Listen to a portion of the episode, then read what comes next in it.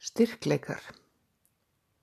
Ég hugsa að flestir, uh, bara í veröldinni, flest fólk, uh, eigði meiri tíma í að velta fyrir sér veikleikum sínum heldur en styrkleikum og eru jafnvel miklu miklu meðvitaður um veikleikana heldur en styrkleikana. Það er endur ofta ekki fyrir en að fólk uh, tekst á við áskoranir um, sem það hefur ekki beðum, þar að segja áskoranir lífsins, erfileika, þar sem að það uh, tekst á við jafnvel ástvinamissi, skilnað, veikindi og annað sem að það reynlega kemst ekki hjá því að sjá hvaða býrið við miklum styrkleikum. Um, því fæ ég ofta að kynast í starfinu mínu sem prestur. Þegar fólk er að uppgöta bara mitt í þjáningunni af erfileikunum hvaða býrið við miklum styrk og, og mörgum styrkleikum. Satt með fermingaböðnum í gær og við vorum að tala um styrkleika. Um, þau voru ekki mörg sem að töldu sig þekkja styrkleika sína.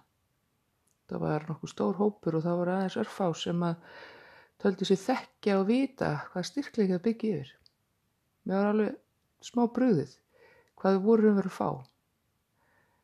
Um, ég var að segja þeim, krökkunum, það væri svona kenning og þetta væri þetta svolítið alhæfing hjá mér en ég hugsa að ef að hvert einasta mannsbarn í verildinni þekkti styrkleika sína þá myndi ekki vera stríð hvorki milli þjóða þjóðar uh, þjóðfélagshópa, þjóðarbrota eða inn á heimilum? Ég veit þetta kannski svolítið djart að segja þetta akkurat svona en í grunninn er það þannig að þeir sem beita völdum og meiða aðra með völdum, beita ofbeldi, eru í grunninn þegar að búið að flysja öll lög, uh, vannmáttar og breyskleika og miskilnings frá að þá stendur eftir kjarnin sem er ótti.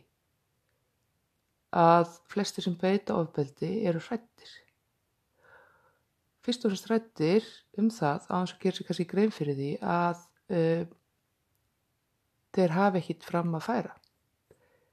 Uh, að það munum komast upp um það hvað þeir séu lítilsverðar manneskjur að þeir verði að beita ofbeldi til þess að halda einhverjum völdum vegna að ef þeir gerir það ekki þá muni enginn bera virðingu fyrir þeim enginn um,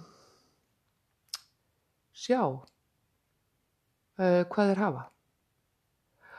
Og uh, þess vegna getur það hreinlega stuðlað heimsfriði ef að við sem uppalendur leggjum sérstaklega áherslu á það að benda bönnunum okkar markvist á styrkleikana.